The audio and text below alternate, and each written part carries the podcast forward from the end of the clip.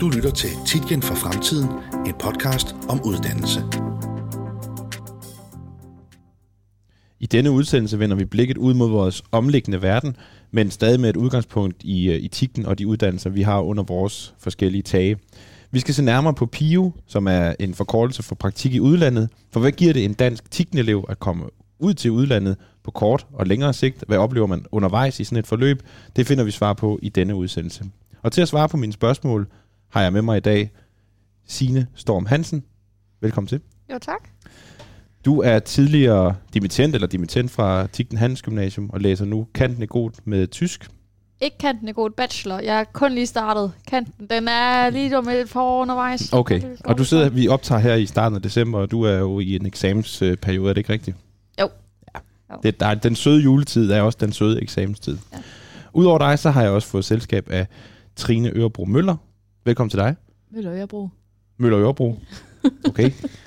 Der er, det, det går godt med at have styr på, hvem jeg er, men øh, du er her i hvert fald, og det Ja, godt. Og du er tidligere EUX-elev fra Tigten Business. Ja, lige præcis. Og hvad bedriver du tiden med nu?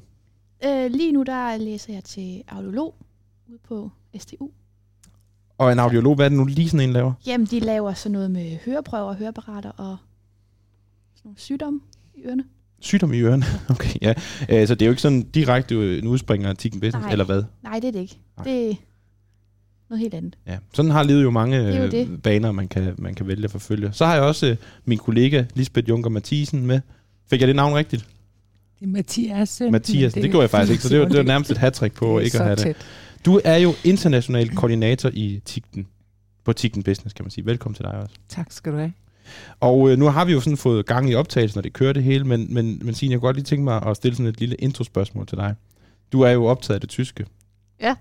Hvilke fordomme om øh, Tyskland og, og tyskere, du er jo sådan en, jeg tænker, du har et vis sympati for dem. Ja.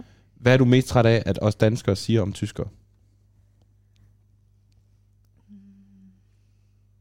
Den kan jeg altså ikke lige på stående fod. Hvad, hvad, hvad, hvad, hvad, hvis du så skulle komme med et eksempel på, hvad, hvad, hvad, hvad hører man sådan, når du, når du siger, jamen jeg læser negot med tysk, hvad- altså hvad, hvad, hvad, hvad bliver du så mødt af? Det er den der med, læser du virkelig tysk? Eller øhm, har du fortsat med det? Er det ikke svært? Eller... Fordi sproget det er et, et svært sprog, det skal jeg ærligt indrømme, men det er dansk også. Så det, den går begge veje. Er der så fordomme, om, nu, nu er du så ikke på tyskerne, men er der så fordomme om, om nogen som dig, der egentlig synes, at det tyske er spændende?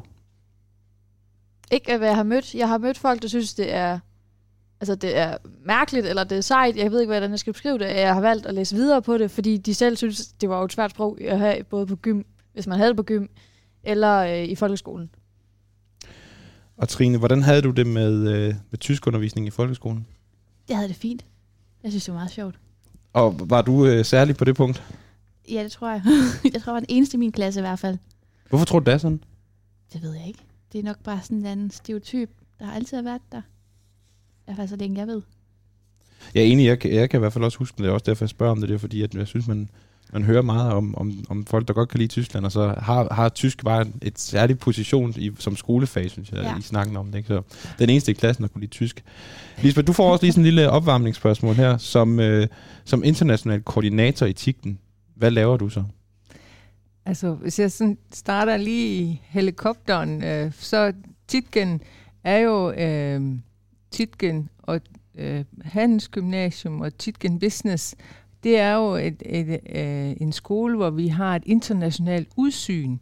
Og det er jo ikke noget, man sådan bare kan sige, uden at der også virkelig er nogle, nogle, noget action og nogle aktiviteter bag. Så som international koordinator, så øh, handler det først og fremmest om at, at øh, skabe rammerne for at få elever ud og få en international oplevelse i, øh, i praktik, og det kan være kortere eller, eller længere. Øhm, og udsynet, det er også at få øh, internationale forhold og interesse, øh, optagethed ind i undervisningen. Så øh, jeg øh, arbejder også med at få medarbejdere ud, og de, de kan så kun være væk en, en uge. Øhm, og det er at komme ud til en anden skole og enten følge en kollega øh, i en uge, det kalder vi shadow learning, eller at komme på et decideret øh, efteruddannelseskursus. Og nu optager vi jo her i starten af december 2020. Hvordan har corona, coronaen påvirket dit job som international koordinator i forhold til det, du lige har sagt der? Ja. Ja, det er virkelig et rejsebyrå, der har lukket og slukket. Og øh, jamen, det har været så trist her lige den sidste tid, at, at øh, jeg har skulle, altså øh, de kontrakter, vi, øh, vi søger, vi søger, eller projekter, vi søger ved, øh, igen undervisningsministeriet, øh, og som jo så er Erasmus-programmer øh, øh i EU, øh, dem har vi fået forlænget, vi har lukket nogen, og, og så kan vi søge nogle nye, når det ligesom åbner igen. Så det har simpelthen været som at fra et glas gå op. Altså, det har ikke været særlig sjovt. Så øh, jeg står som en, en, øh, en øh, vedløbshest inde i boksen og venter på, at der bliver åbnet igen, fordi der skal også være øh, forhold derude, og det er jo mange forskellige lande, selvom det er inden for Europa, at de ligesom siger, jamen, vi har gang i butikken, og vi kan, føler os også sikre for at, øh, at kunne modtage et ung menneske fra, fra et andet land. Og øh, rundt om det unge menneske er jo også forældre, at de skal ligesom øh, synes, at det her er sikkert, at de ikke fuldstændig får totalt ondt i maven af at sende deres unge menneske afsted. Så der er jo mange ting omkring det. Og det er jo selvfølgelig øh, et svar, der beror på en fornemmelse, men hvad er din fornemmelse for, nu siger du, du har det som en vedløbshæft, der, der venter på at blive sluppet, sluppet løs. Øh, tror du, altså er der noget opsparet energi, eller tror du, at den her internationalisering eller udveksling, vil det, vil det sådan blive mindre nu, eller er der noget, noget der skal forløses? Nej, jeg, jeg tror, at, at det kommer op øh, på niveau igen. Altså, øh, Øh, unge mennesker, de har en, en energi, og kan jo også godt sige, altså et, et mod på livet, og dermed lidt mere sådan sovløshed, kan man sige, eller springer ud i det, men selvfølgelig øh, meget fornuftigt. Så der skal jo gang i, i butikkerne, ligesom vi ser i, i Danmark. Ellers så har de jo svært ved at sige, at vi kan godt øh, skabe en spændende praktik for, for det her unge menneske. Så det er i hvert fald noget, der, der skal være på plads. Og så skal det sådan ligesom være de her øh, altså coronasmittetal og sådan noget, at, at det er forsvarligt. Så det, øh, den her vedløbshest, den, den, den får... Øh, den får nok nogle måneder ind i den der startboks nu, tænker jeg, inden at, at øh, vi kan sige, jamen, nu er vi oppe at køre. Altså jeg kan sige, de samarbejdspartnere, vi har rundt om, øh, Tyskland og, og andre steder i Europa, at de vil rigtig gerne fortsætte samarbejdet. Og en vaccine, som måske er på vej, det gør jo øh, fremtiden, øh, tænker jeg også, øh, lyser for, for vedløbshesten ind i, øh, ind i, på, på rampen på vej ud på, på vedløbsbanen. Ja.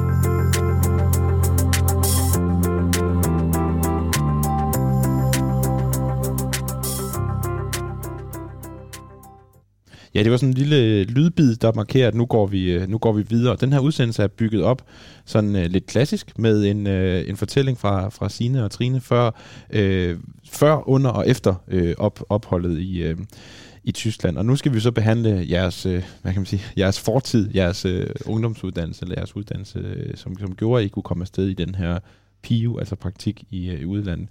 Og Signe, jeg starter over hos dig. Du, uh, du tog jo den merkantile Handels øh, gymnasiumuddannelse, HHX. Hvorfor gjorde du det? Hvad var dine tanker, og hvorfor valgte du det?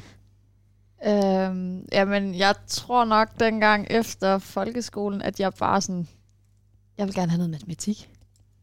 Og det var, det, det, var, det, det var derfor, det blev handelsgymnasiet. Altså, jeg havde ikke sat mig ind i, hvilket fag eller noget. Jeg skulle bare sådan, jeg skal ikke ud og have fysik, kemi, biologi, geografi. Jeg skal bare have noget matematik. Og det var så ligesom der, jeg så sådan, så blev det den uddannelse der, agtigt.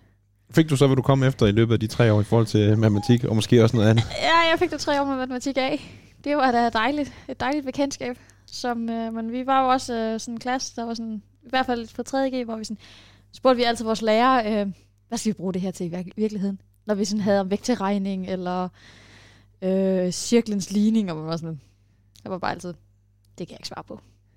Det kan jeg ikke svare på. Og vi sådan, okay, vi laver det. Vi skal nok lave det, men uh, det var da ikke verdens sjoveste, altså lige at skulle i gang med det. Og du blev færdig, jeg ved ikke, om jeg fik sagt det i intro, men du blev færdig for, øh, for to år siden, ja. 2018, dimitterede du derude fra i, om sommeren selvfølgelig. Og Trine, du gik på EUX herinde på Tikken Business, hvor vi optager i dag. Hvorfor valgte du det? Jamen, det var en, øh, undskyld, en god blanding af også noget, noget, at der var en fremtid, hvor man ikke nødvendigvis skulle øh, læse i mange år efter, og noget, noget mere praktisk, øh, ja, og noget salg og service. Og Ja, det er altid godt, når man, når man taler med folk fra, ja, både fra handelsgymnasiet, men også fra business, så er det godt lige at få placeret sådan et, et speciale eller en studieretning. Så hvad var dit, øh, hvad var din Øh, retning? jeg har speciale i øh, administration. Yes. Og øh, nu hørte vi jo fra Lisbeth, og du kommer jo ind en gang imellem, Lisbeth, når du synes, du, du hører noget, du kan, du kan byde ind, fordi jeg, jeg taler jo mest med, Så- de, med så- de unge damer, Så ikke? kommer jeg faktisk ind lige nu, Simon. Ja, okay. Fordi altså, det er jo, vi kan sige, det er jo praktik i udlandet som, som en fælles overskrift. Men der er faktisk også øh, et specielt program, der hedder praktik i udlandet. Så, øh, så PIO, det har Sina fuldt, og, og øh, øh, ikke det samme tilfælde for, for, for Trine. Det er sådan et, et, et program, hvor man... Øh, øh, ja, det kan også være, at du kommer ind på det, men at man følger en, en øh, fast procedure, og det er erhvervsskoler, øh, som så er gået sammen og har et sekretariat i Silkeborg til det. Og vi kommer jo til at høre helt specifikt fra jer begge to, hvor, hvordan og hvor lang tid, og hvor var I henne og sådan noget, Super. lidt, lidt senere. Øh, Lisbeth, du fortalte jo meget om, at dit, øh, som international koordinator, så fylder, dit, øh, så fylder det internationale selvfølgelig i, i dit job, men jeg kunne godt tænke mig at høre fra jer begge to, øh, hvad, fyldte, hvad fyldte den her internationale dimension i jeres ungdomsuddannelse? Altså, hvordan mærkede I, at, at Tigten og, og Lisbeth og alle mulige andre i organisationen orienterer sig om, om verden omkring os? Jamen, ude på os gik vi jo meget op i FN's øh, fælles, altså det verdensmålene, de blev i løbet, jeg kan ikke huske, om det var anden eller tredje G, valgte de at male dem, eller i hvert fald CF Titken, og så skulle vi i gang med de her verdensmål. Men også øh, har vi også den der landsindsamling øh, i starten af året, hvor at den, det bedste handelsgymnasium ligesom vandt en eller anden komiker og kom ud, og der kan jeg huske, at der vandt vores skole to år i træk, Mm. så, øh, fordi vi gik, vi gik op i det, kan jeg huske. Og jeg kan også huske blandt andet, at den linje, jeg faktisk valgte, der kunne jeg faktisk kun have tysk som sprog. Jeg kunne faktisk ikke øh, få hverken spansk, fransk, kinesisk. Det var vist det, det var. Jeg kunne kun vælge tysk, så det var sådan lidt, det tager jeg, for jeg skal heller ikke lære et nyt sprog. Jeg tager tysk, og så bygger jeg videre på det, fordi jeg har jo allerede de basale grundlæggende viden. Hvorfor ikke blive bedre til det? Også fordi Tyskland, som der så tit bliver nævnt ude, øh, når man havde international økonomi, at øh, det er jo bare Danmarks største handelspartner. Så det var så lidt derfor. Ja, er det egentlig mere interessant? Jeg ved det ikke, fordi jeg har jo ikke taget en, en, en HHX. Uh, når man kigger på økonomi, altså, er det så med udgangspunkt i den danske, eller er der mere at komme efter, hvis man kigger på, på global pla- plan, og er det noget, som skolen sådan ligesom vægter i en eller anden øh, fordeling? Ja, man kigger både ind og ud, kan man sige. Altså, vi har jo det, der hedder virksomhedsøkonomi, VØ, øh, som kigger på, øh, hvordan er en virksomhed faktisk bygget op, og hvordan øh, laver de forskellige ting, og hvordan skal de indberette tal og årsrapporter og sådan noget. Og så kigger man på international økonomi, som også går ud og kigger på, jamen, hvad, hvilke faktorer fra omverdenen pågår, ligesom, påvirker ligesom dansk økonomi og påvirker os, og hvad og der, selvfølgelig også den anden vej rundt. Øhm, så det er jo det, vi plejer at... Eller det var det, i hvert fald det, jeg havde dengang. Mm. Og der er en slagside til tysk, altså det er, fordi det er tæt på og stort, så er det så er det, det, du har hørt flest gange, sådan Ja. som jeg hørte. ja, det var det. Og Trine, hvordan fylder, øh, hvordan fylder udlandet i sådan en øh, EUX-uddannelse? Kigger man overhovedet øh, syd over grænsen? Øh, ja, det gør man. Altså, vi, det er lidt det samme. Vi havde det samme fag som sine international økonomi og virksomhedsøkonomi. Der er det jo oplagt at inddrage andre lande, og det hedder noget ja. Med internationalt. Lige præcis. Øh, hvilke faktorer, der gør, at det er godt og dårligt at arbejde med på den anden side af grænserne. Øhm, ja. Og vi havde jo også tysk, så det er lidt det samme. Det er lidt det samme. Så I har jo berørt det her med den internationale økonomi og, og, og, ja, og fremmedsprog, altså tysk øh, jo i, i begge tilfælde.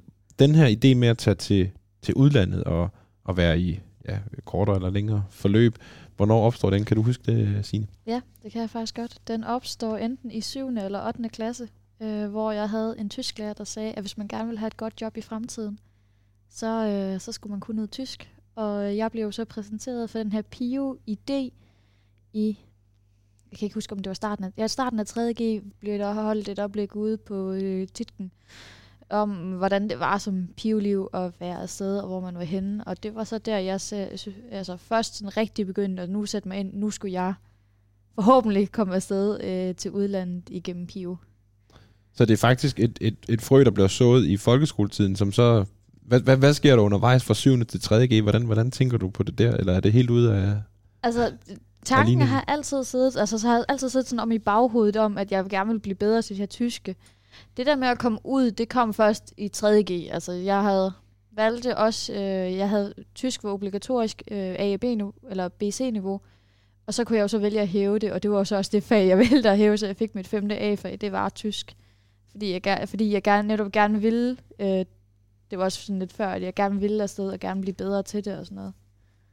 Ja, og Trine, hvornår, øh, hvornår begyndte sådan de første tanker om at skulle, øh, skulle smutte til Tyskland for dig at opstå?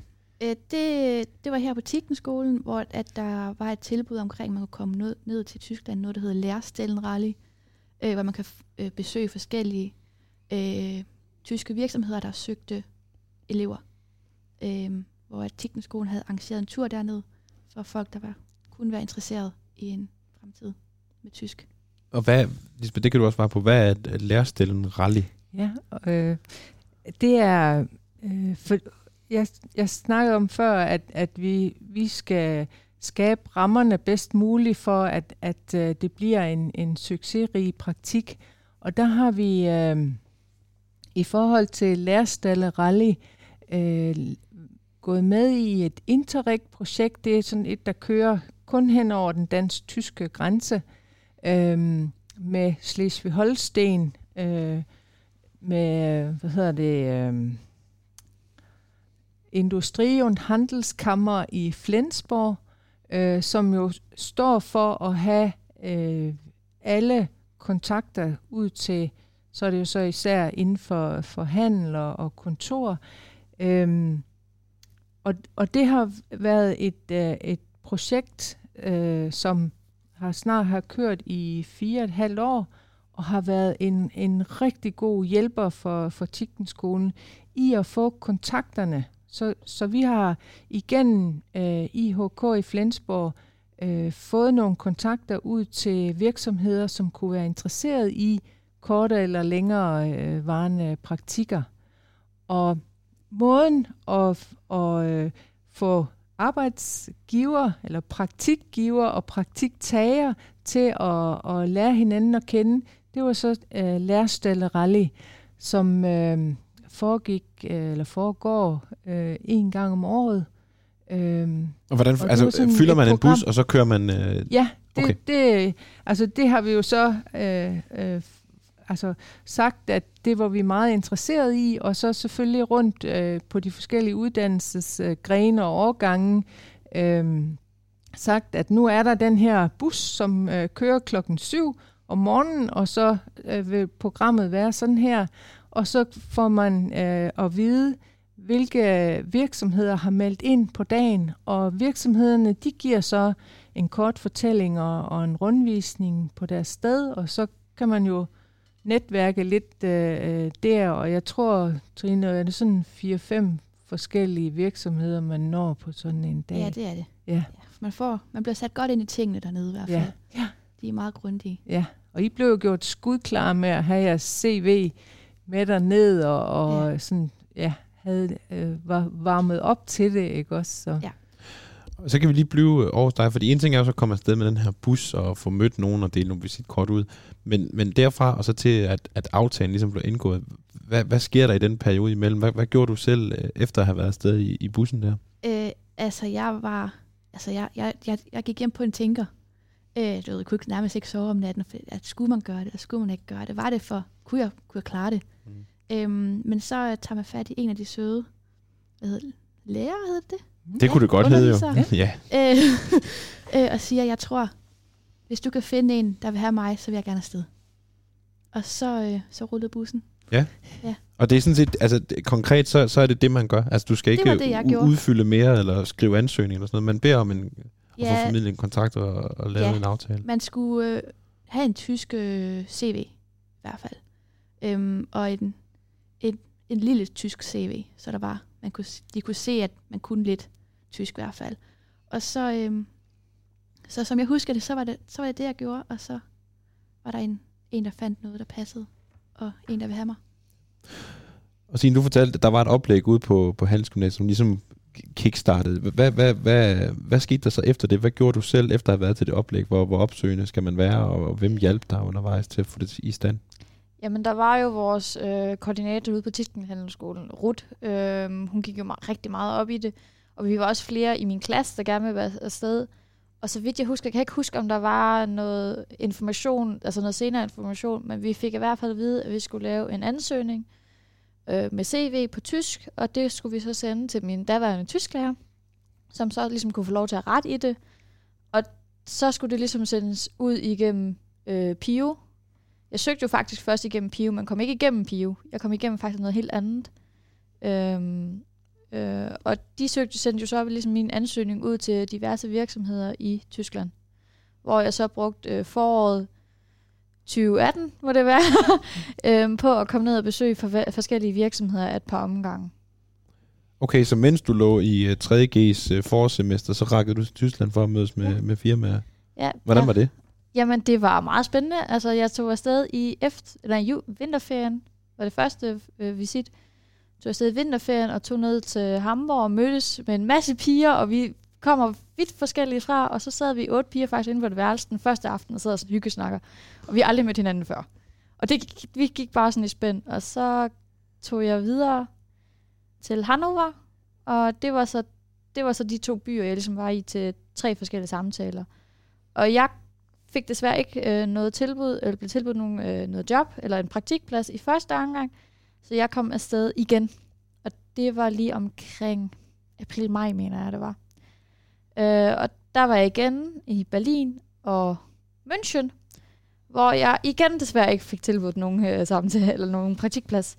Og så var Pio jo desværre nødt til at fortælle mig, at de nok ikke regnede med, at jeg fik en. Fordi vi var, det lå, landet lå også sådan, at jeg tror, de har sendt 180 elever afsted fra hele Danmark, og der var altså kun 110 praktikpladser eller sådan noget. Så jeg kom ikke igennem der. Men så var Rut der, og hun øh, dagen efter, eller et par dage efter, jeg havde fået det der afslag, øh, kommer jeg ned til Rut, og så viser hun mig den her brochure for det projekt, der hedder Starforce, som minder meget om Pio, men bare lidt anderledes. Og sagde, at de kunne måske faktisk godt hjælpe mig, og jeg stadigvæk skulle tage den her online skole, som man skulle tage øh, i løbet af sommerferien, før man tog afsted, for det skulle man. Og, øh, og det kunne jo være, at jeg kom afsted. Og det gjorde jeg jo så heldigvis også, kan man sige. Bare lidt senere end alle andre. Ja. Øhm. Og Lisbeth, hvor, ja, hvor almindeligt, nu har du hørt de her to historier, du har sikkert hørt dem før, men altså, er det, er det sådan et karakteristisk forløb for, for sådan nogle øh, unge elever, der gerne vil afsted? Ja, altså det, det vil jeg sige, at, at det, er, det er typisk for dem, der så ender med at komme afsted, ikke også? Og det er også, øh, altså, her har vi at gøre med to friske øh, unge kvinder, som øh, øh, går med og siger, okay, hvis det kan være en mulighed, så, så øh, hægter jeg mig på, og jeg tager det her kursus i sommerferien, selvom, for jeg kan huske, det var jo simpelthen, øh, imens du var i kurset, at, at vi så sagde, der er en praktikplads øh, øh på, øh, på Sylt. Jeg tror faktisk, den kom efter. Der var faktisk, være, der, kom, der kom en anden først lige ned i Flensborg, som så også sagde nej. Og så var der, var der faktisk ikke nogen praktikplads til mig. Okay. Og så, øh, så var det så sådan, at lige omkring det 9. 12 september, jeg tror, der har været lidt korrespondence, der rejser jeg faktisk til Sylt for første gang ned og besøger den virksomhed, som faktisk bliver min praktikvirksomhed. Øh, fordi jeg lige skulle i praktik et par dage, for jeg skulle lige se, hvordan det var der, og de skulle også lige se mig an. Mm. Og så kommer jeg hjem, nok omkring den 12. eller 13. kommer hjem, går der et par dage, så ringer de til mig, om jeg vil have den. Og så sådan, ja, det vil jeg gerne. Mm. Du starter den første. Okay. Ja. Der gik to uger eller sådan noget, fra jeg fik pladsen til at starte, og skulle ligesom pakke alt mit harpen gut sammen og flytte. Og Lisbeth, det lyder jo egentlig som om, at der er, der er, der er god hjælp at hente. Altså, jeg har selvfølgelig gjort noget selv og været opsøgende og sådan noget, men det, mm. der er også der er også hjælp at hente. Altså, er det også karakteristisk, at du og, og Rutschef og andre ja, hjælper til? Ja, ja altså det, det vil vi rigtig gerne. Altså, vi, vi øh, arbejder jo rigtig meget, altså særligt i forhold til Tyskland, og det er også, som du siger, at det er vores vigtigste samhandelspartner, og når mange, når de hører Tyskland, ah, jeg havde tænkt mig London eller sådan noget, men ah, det kræver virkelig nogle overvejelser. Så når der er nogen, der er frisk nok til at sige, øh, så måske mere øh, Trine sproglig har jeg ikke sådan lige haft det op til, op til ja, det tager afsted. Men øh, jeg giver det et skud, så, øh, så vil vi simpelthen også bare bakke op omkring det. Øhm, så det, det er, vi er jo en, en, en række kollegaer så, øh, øh, og sådan er det også organiseret på Titgen, at at øh, Ruth som vejleder, der, der har rigtig meget kontakt med, med elever ude på gymnasiet, hun er ligesom den lokale øh, øh, hvad hedder det, tovholder i forhold til det. Og, øh, og sådan er der øh, på business også.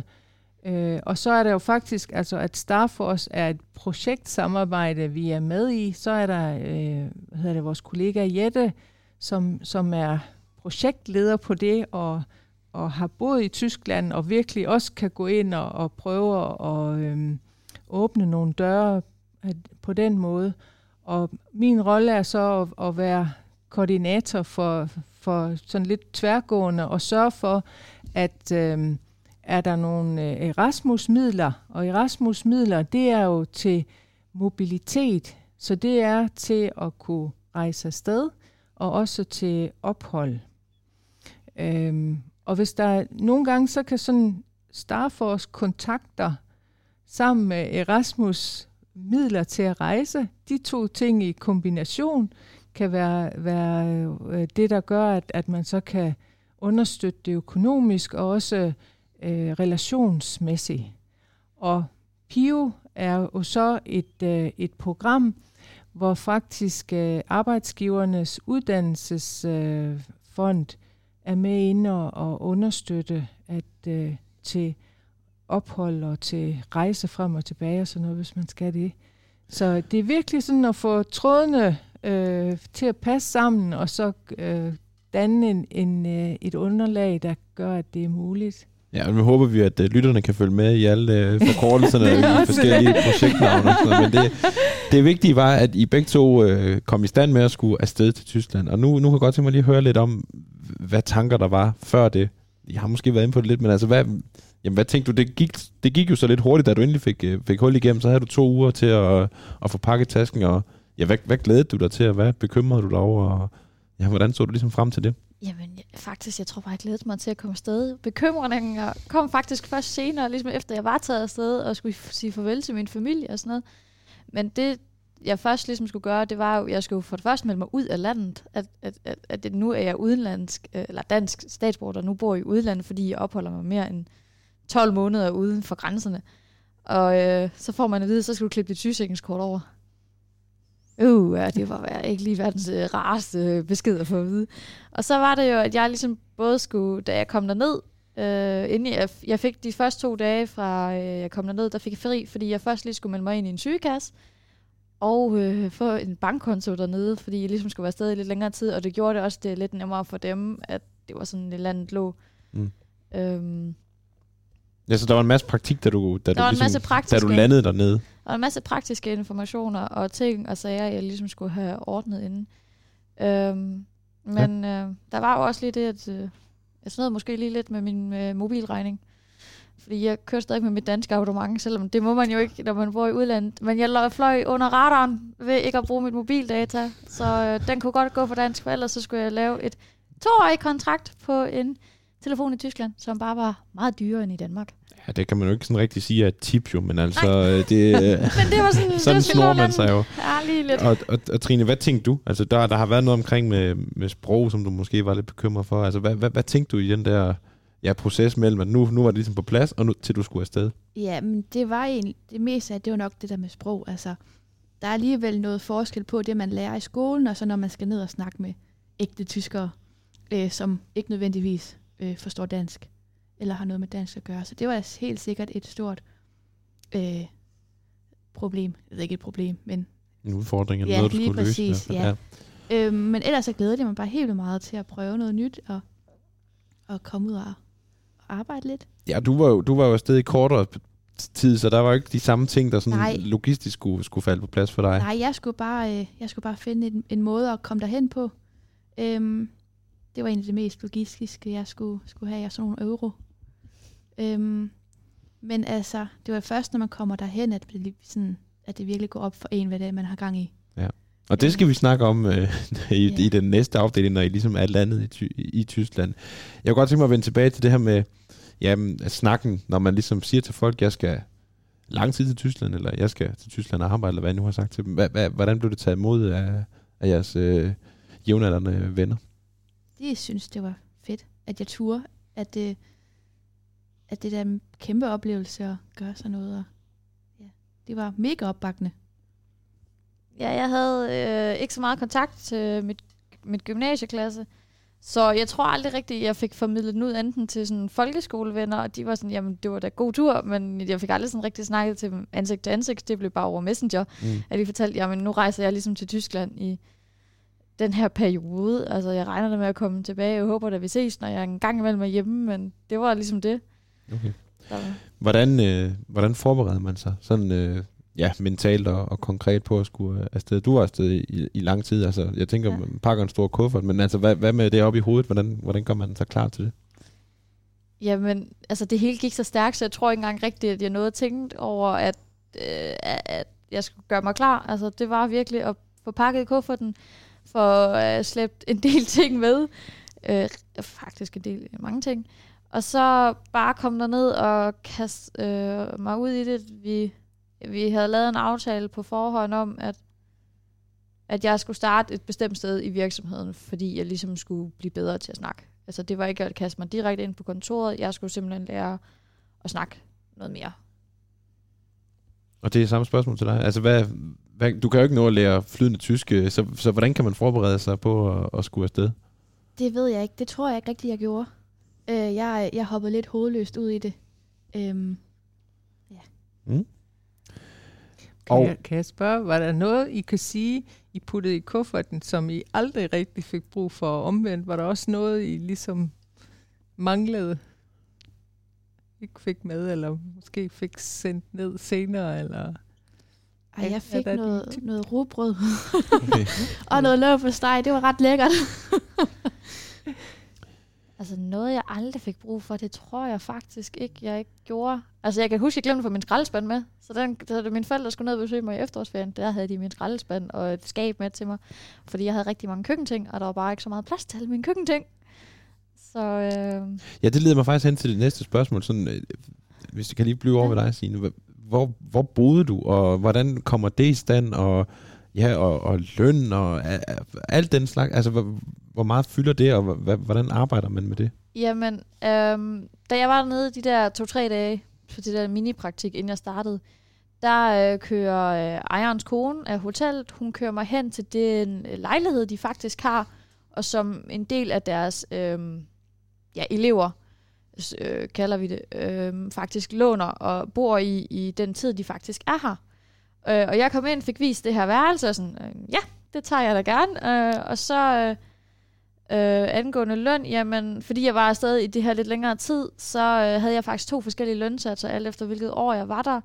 Men huslejen forblev det samme, øh, og den forblev øh, 280 euro for en måned. Det var inklusiv vand, el, varme og øh, det hele. Det eneste, jeg skulle betale ved siden af, det var noget internet. Øh, og så havde jeg et værelse og boede sammen med en pige, og vi skulle dele et badeværelse og et køkken. Der var bare det der køkken der, det var bare ikke rigtig sådan udstationeret med så mange ting. Hvis man var heldig, kunne man finde et rigtigt glas, ellers var der vinglas og krus. Ja. Fire tallerkener og fire knive, fire gafler og sådan lidt. Så det var jo med at have noget med selv, hvilket jeg også havde noget lige inden jeg tog afsted. Noget lige at købe mig et grydesæt, og så fik jeg lidt øh, af min mors porcelæn med, og jeg havde også, hun havde også fået julegave, havde, eller altså firmagave, hun havde også fået et bestiksæt, som jeg måtte få lov til at tage med ned, så jeg havde lidt selv, øh, som jeg havde med derned, og så undervejs så voksede samlingen bare. Og øh, det, det er lidt det samme til dig, altså praktikken omkring det der. Hvad, hvor, hvor boede du, og hvordan kom det i stand? Og, Øh, De, øh, der hvor jeg, hvor jeg var i praktik, de havde et, et, øh, et værelse, øh, jeg kunne låne øh, med, øh, hvad hedder sådan noget, øh, med badeværelse og vaskemaskine og sådan noget. Så det var, der var ikke alverdens øh, papirarbejde for dig Nej. for at skaffe et sted at bo? Nej, det var der ikke, og det blev, det blev kom i, i, hvad hedder sådan noget, det blev planlagt sammen med resten. Mm. Okay. Det var, Lisbeth, nu tager jeg lige øh, dig med. Nu har du siddet lidt øh, og kunne, kunne lytte til, hvad de siger. Øh, ja, hvad, hvad, hvad tænker du om, igen, det er samme spørgsmål som før, hvor, hvor, hvor almindelige er det, du lige har hørt, hvor almindelige forløb har vi med at gøre her? Altså, ja, men det, øh, jeg, jeg synes, jeg kan sige, at i forhold til Tyskland, så, så bliver der virkelig gjort noget for, at, at, øh, at der er enten hjælp til at finde et sted at bo, og ellers så har de konkret noget, øh, de kan tilbyde en. Og jeg tror, altså det er også sådan, i hvert fald når vi snakker Nordtyskland, så er de sådan øh, meget ops på det.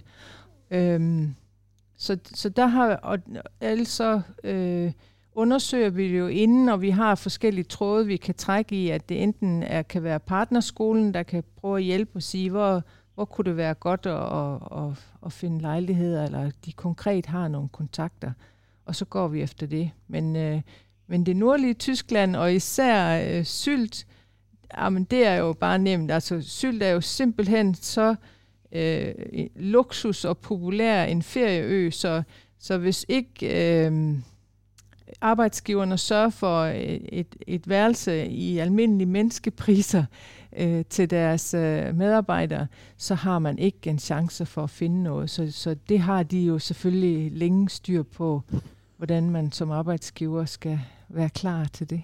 Ja, og en anden del af det, der blev, blev talt om lige før, det er jo de her ja, bekymringer eller tanker? Altså, ja. hvordan møder du, hvordan møder du, øh, ja, hvilke typer af, af bekymringer møder du hos uh, eleverne? Er det, er det kendetegnet? Jamen, det, det, vil, jeg, det vil jeg sige, at, at uh, sproget, hvis vi snakker Tyskland, så er det sproget uh, nummer et. Altså, uh, hvor, hvor vi siger, uh, vi har det også fra hestens egen mund, altså fra arbejdsgivers egen mund, at de forlanger ikke uh, perfekt tysk uh, overhovedet. De er godt klar over, at det her, det er en øh, hvad vi ved øh, Trine og jeg, som tog afsted i, i, i kortere tid fra, fra dit hold, at, at vi kaldte det snusepraktik. Ikke? At komme ned og sige, er det noget for mig at, at stå der? Øh, fordi selvom øh, der er et sted at bo og sådan noget, der er jo mange ting, du stadigvæk er fuldstændig øh, alene omkring, og det skal man sådan lige, kan jeg det her? Øh, og kan jeg sproget, kan jeg øh, nok til i hvert fald, at, at jeg kan få startet en samtale, og så har jeg øh, dag for dag til bare at blive bedre og bedre. Øhm, så, øh, og så det er vi rigtig, rigtig glade for, at der er de her forskellige muligheder, at man lige kan komme ned og, og, og vende og se.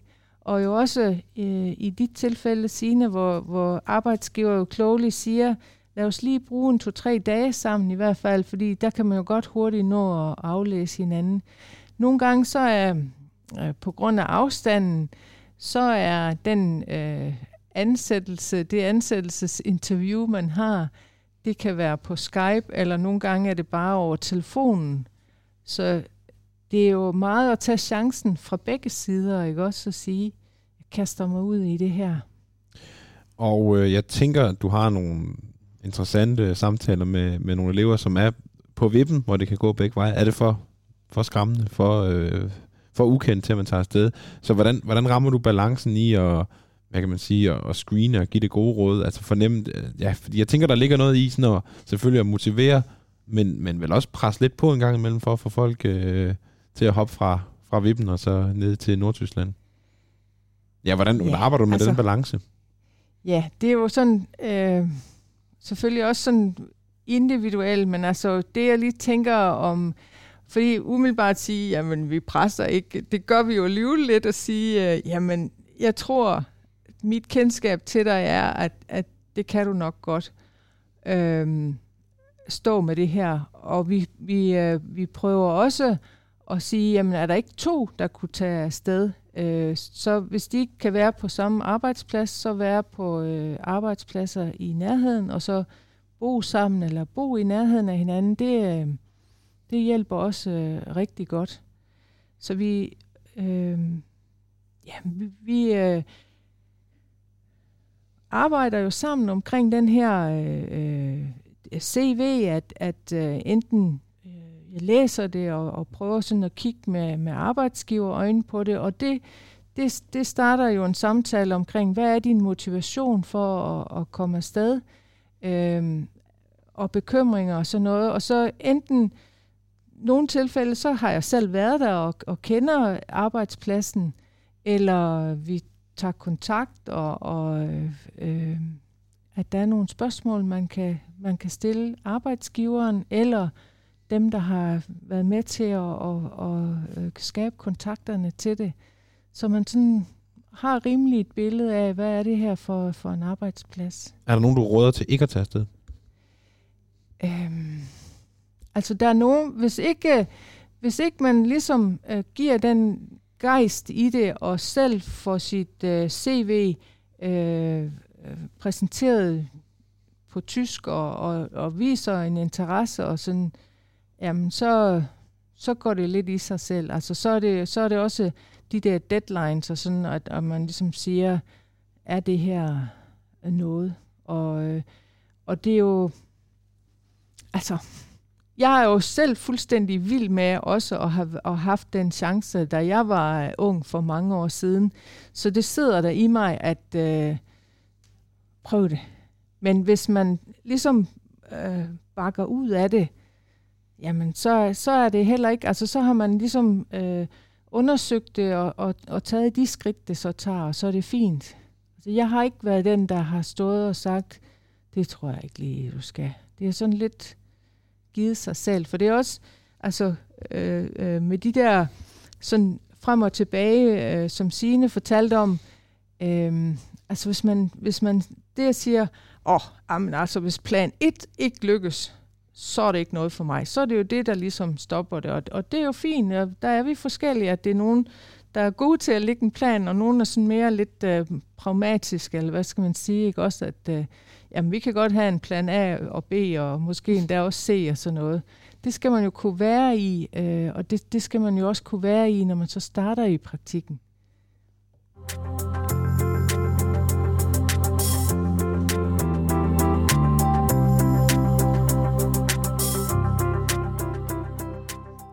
Ja, det var lige mit cue til at, at gå lidt videre, fordi nu skal vi til den del, hvor I er i praktik, altså hvor I er i Tyskland. Øh, tasken er pakket ud i Tyskland, og hvordan var det så? Det skal vi, øh, det skal vi have nogle, nogle svar på øh, nu, men, men vi har sådan, og det er måske lidt omvendt rækkefølge, fordi jeg skal faktisk bede jer om nu sådan at konkret at fortælle, ja, hvornår I var afsted, og hvor I var henne, og hvor lang tid. Og Trine, vil du starte?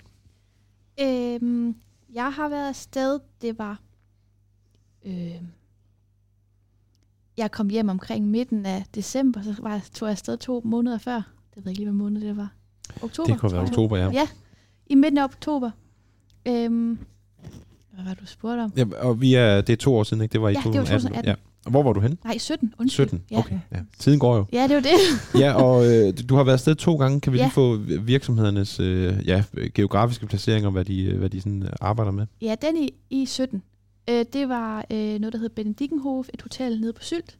Og så var jeg afsted igen i vinteren 17 i tre uger. Øh, i, I noget, der hedder Burg på, på Femern. I hvilken type virksomhed i Burg? Det var et øh, indkøbshus. Øh, lidt ligesom Bilka, bare uden mad. Uden mad. Okay. Og lad os tage øh, dit ophold på Sylt. Hvad, hvad bestod dine arbejdsopgaver i der? Jamen, det var... Øh, jeg skulle hjælpe med at gøre rent og lære hotellet at kende, og jeg hjalp også lidt til med at lave noget, noget morgenmad og serveret. Øhm, og egentlig bare udvikle mig sådan mest til at, at kunne ture at tale tysk, Okay. øh, og kunne få det ind under huden. Og øh, dit andet ophold, hvad, hvad lavede du der? Der var, jeg, der var jeg sådan mere sådan øh, på kontoret. Der, der hjalp jeg til på kontoret, øh, og i en indkøbsafdeling, og lidt på noget øh, e-shop. Og Signe, vi skal også lige have dig sådan øh, skitseret dit, din, øh, dit udlandsophold sådan på plads. Hvor, øh, hvor og hvornår var du øh, afsted, og hvad lavede du? Jamen, øhm, et, hvis vi lige karakteriserer et normalt pigeophold, det er jo et år. Mm. Men jeg fik forlænget og forhandlet, så jeg var faktisk afsted i næsten to år. Så jeg var afsted fra oktober 2018, og er faktisk kommet hjem her øh, i sommer. Øhm, og jeg var på Sylt, også øh, ved Hotel Benedikkenhof, som øh, Trine var. Og jeg havde øh, nogle lidt andre arbejdsopgaver. Jo, jeg har både serveret, og jeg har været i receptionen, og jeg har faktisk også gjort det lidt rent. Jeg var sådan lidt en all-arounder, altså, hvor der måske lige manglede en hånd eller to, jamen så kunne jeg da godt lige hjælpe til her. Øh, men det var jo primært, at jeg faktisk var i køkkenservice. Mm. Og øh, hvordan var det her møde med øh, den tyske arbejdskultur? Altså, hvad, ja, hvordan, hvordan, hvordan var det at komme, komme derned som dansker og skulle falde ind i, lad os tage hotellet, i, der har I begge to været, hvordan, hvordan oplevede du det, Trine? Det der med at skulle indgå ja, i en arbejdskultur, som måske er anderledes end den, du har været vant til? Altså, man kunne, altså, det er lidt mere sådan firkantet og lidt mere striks, det kunne man tydeligt mærke. Øh, men altså, de var mega fede, øh, søde. Øh, de var mega søde, både cheferne og medarbejderne og sådan noget, og, og gjorde virkelig meget for, at man følte sig, sig tilpas. Så, så stor forskel mærkede jeg ikke personligt. Øhm, men, men altså, der var forskel. Og øh, ja, altså, der, der er jo rigtig mange af os, der ikke har været afsted på øh, at arbejde på et hotel på Sylt, så hvad, hvad oplevede du som, som forskellen på en dansk arbejdskultur og en, og en tysk? Jamen, jeg har ikke været vant til at arbejde de der 8 timer. Sådan, det skulle være 8 timer, man arbejdede. Hernede der lå der en fast arbejdsdag. Det var øh, 8 timer, du skulle arbejde, helst skulle arbejde, og så havde du en halv times pause. Og sådan var arbejdsdagen. Øh, og det havde man jo så... Øh, jeg havde en kontrakt på 40 timer om ugen. Så jeg skulle jo så arbejde fem, øh, fem dage om ugen, og så det var sådan lidt forskelligt, hvilke dage det var. Øh, og jeg kunne ikke altid selv byde ind, for som elev, så blev man kunne blive, blev spurgt, om man kunne de her dage, og ellers så sagde man, jeg kan altså ikke lige den, og den her, den her dag, den har jeg noget brug for at få fri, og så prøv, forsøgte de jo at arbejde det ind i, hvad hedder det, ind i arbejdsplanen, som ligesom blev lavet, lavet uge for uge. Og jeg kan da tydeligt huske, at på min første dag, vi, jeg havde snakket med chefen om, at øh, jeg skulle ikke starte på kontoret først. Jeg skulle starte med at servere morgenmad, fordi jeg var ligesom skulle udvikle mit sprog. Og jeg var faktisk øh, blevet sådan, sådan lidt sådan påhængsat på en af de andre medarbejdere, som faktisk kunne en smule dansk. Øhm, så vi skulle sådan lære lige de første par dage at arbejde sammen. Jeg skulle lige se, hvordan det foregik den her øh, arbejdsdag, eller den her del af, i af, del af virksomheden. Hvordan var arbejdsdagen her? For øh, normalt så skulle man jo være der til klokken kvart over seks, fra kvart over seks om morgenen til øh, kvart i tre. Jeg skulle så møde lidt senere, fordi jeg også ligesom skulle gå lidt mere over i- til dem, der også kommer om eftermiddagen, for os at lære dem at kende, og faktisk bare snakke meget, fordi jeg kunne personligt, så var jeg sådan en, jeg kunne godt forstå, hvad folk sagde til mig. Jeg har bare svært ved at formulere hvilke øh, sætningen. Øhm, og det var derfor, jeg ligesom startede her. Trine, en bekymring, som jeg sådan kunne sidde med om, og, og måske også nogle af lytterne, det der med, når man jo alligevel er der. Altså det her, det er også det, du siger, man er, aftalen var 8 timer om dagen, 5 dage om ugen, men, men man er der jo alligevel øh, tre, tre uger i det tilfælde. Altså er der ikke, øh, risikerer man ikke bare at blive sat til endeløst arbejde øh, i, hele døgnet rundt? Nej, det synes jeg ikke. Øh, altså, vi havde, jeg havde fri, når jeg, når jeg havde fri, og jeg havde weekender og det hele. Ikke nødvendigvis i weekenden, men jeg havde to fri to dage om ugen, og så var der ikke nogen, der hæv en overhovedet. Hvad laver man i fritiden øh, på Sylt? Man er i Vesterland. øh, der, Hvad er det? Det er deres, øh, hedder det, hovedby. Ja. Øh, med en mega fed gågade, og nogle mega lækre strande, og øhm, Går man rundt der alene, eller altså, fik du nogle øh, venner? Nej, ikke, ikke, på, ikke uden for, øhm, for, øh, for arbejdspladsen. Men jeg var så heldig, at der var en her fra Tigten, der var med i et par uger. Så hende mødtes jeg med nogle gange. Okay. Øhm, og tog endnu længere væk med bussen og alt sådan noget. Det var modigt ud, Ja. at, ud at udforske verden. ja. Du var der jo i lang tid. Altså, Ja. ja. hvordan, øh, hvordan balancerede du øh, det der fritidsarbejdsliv, og, og hvad lavede du i din fritid? Jamen, øh, jeg var øh, sådan fritid. Jeg brugte altid den ene dag, der brugte jeg altid på at gå og handle ind. Fordi jeg er, sådan en, jeg er tilbudsjæger, så jeg gik lige i alle butikkerne, øh, og kunne godt bruge et par timer på det i hvert fald. Og ellers så hyggede jeg mig egentlig bare derhjemme og nød, at jeg havde fri. Jeg ikke skulle, faktisk havde jeg skulle nå noget, bare sådan helt stille og roligt ned på jorden. Gå nogle ture rundt i kvarteret og se nogle gange nogle øh, noget øen, og andre gange ikke, fordi det afhænger lidt af vejret. Det er jo en dejlig øh, ø, der ligger ud mod Vesterhavet. så det afhænger lidt af det. Jeg har gange. fået set jeres del af regnen. Og blæst. ja, og, og hvordan, altså, øh, jeg tænker, man kunne nærmest begynde til, til volleyball. Altså, du har jo været dernede i så lang tid. Altså, kom der gang i det her tyske socialliv? Fik du, fik du nogle venner og bekendte, du kunne gøre noget med? Ikke sådan rigtigt, men det var også fordi, at hende, jeg startede med at bo med, vi boede sammen. Vi var ikke øh, slyngvindende overhovedet. Vi tolererede hinanden. Vi var bare lidt forskellige. Så den, øh, den, den gik ikke rigtigt. Og så var der også, der var også den her lidt kulturclash igen mellem dansk og tysk, fordi de, øh, der var jo en del elever dernede, og dem kunne man da godt snakke med. Man kunne da godt snakke med sine øh, kollegaer og sådan noget. Men det var ikke sådan rigtigt, at jeg blev inviteret med til, hvis de skulle noget. Det var noget, de sådan ligesom holdt for sig selv, fordi jeg gik, havde online skole alene, men de gik jo på skole sammen, når de så var afsted. Så de havde lidt et andet form for fællesskab, end jeg havde. Og det, har måske også, det var måske lidt af bagsiden på at være afsted. Det var, at, at der ikke lige var det her øh, helt sammenhold. Også, nu er jeg så også sådan lidt som person, jeg har lidt svært ved at møde nye folk og knytte mig til møde nye folk. Og det hjalp heller ikke lige helt lige der i starten i hvert fald. Den her arbejdsplads, er det, er det en, en ung arbejdsplads, eller hvor arbejder der også øh, voksne tyskere? Altså, for jeg kan godt forstå, hvis man kommer dernede, ja, slutningen, øh, hvad hedder det, starten af 20'erne måske, øh, altså er der sådan voksne mennesker, eller du, du taler også om, at der var andre elever og sådan noget, som måske havde et fællesskab der, altså det der hotel der, hvor, ja, hvem Der- arbejder der? Det gjorde alle. Ja, der var alle ja, aldre der dernede. var unge og gamle og midt imellem. Og, der var, det var, Et bredt udsnit af den, Ja. af den tyske befolkning. ja, der var der nogle medarbejdere, der havde arbejdet på samme arbejdsplads i 40 år. mm, 35, 35, 40 år. 35 tror jeg Ja. faktisk, vi nåede op på. Så det er sådan en, en rigtig arbejdsplads. Det er en rigtig arbejdsplads. en ægte arbejdsplads. Okay. Trine, hvornår, øh, hvornår var det fedt at være afsted og arbejde dernede?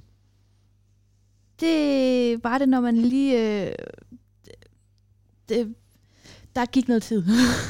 Ja. ja. Altså, det var frygteligt, synes jeg, til at starte med. Øh, især, jeg var så heldig, at min far kørte mig derned. Øh, og da jeg så bagvind, da jeg ikke kunne se bagvinden af bilen mere, så tænkte jeg, hvad delen har du råd derude i, Trine? øhm, og så skulle man jo over den der barriere med bare at ikke at tænke for meget over, hvad man siger, når man snakker tysk, men bare sige et eller andet. De skal nok forstå det. Okay. Eller, eller prøve at hjælpe en. Så der gik lige en uge eller to. Øhm, det var relativt lang tid før, at man virkelig synes, okay, det er fedt, det her, jeg kan godt. Øh, og jeg er ikke, de synes ikke, jeg er komplet idiot. øh, fordi at jeg ikke kan finde ud af at snakke perfekt tysk. Okay, hvordan- hvordan, kan man mærke det? Altså det der med, fordi det, det er jo noget, som bor inde i dit hoved, tænker jeg, det der med sådan, Ja, at, fordi du oplever så i løbet af to uger, at, de, at det bliver anderledes, ikke? Så ja, hvordan, hvordan, det er vel egentlig dig selv, der ændrer, ændrer dig i løbet af det der ja, det tror periode jeg også. Det tror jeg, du er helt ret i. Øh, det er bare det der med, altså, det er den der, den der barriere, der lige skal nedbrydes først med, at man, ikke, at man godt tør at sige et eller andet, man måske godt ved, er, er fuldstændig volapyg. Øhm, og så går det stille og roligt. Også jo mere man så er, kommer til at snakke, jo bedre bliver man så, og så tror man lidt mere på sig selv.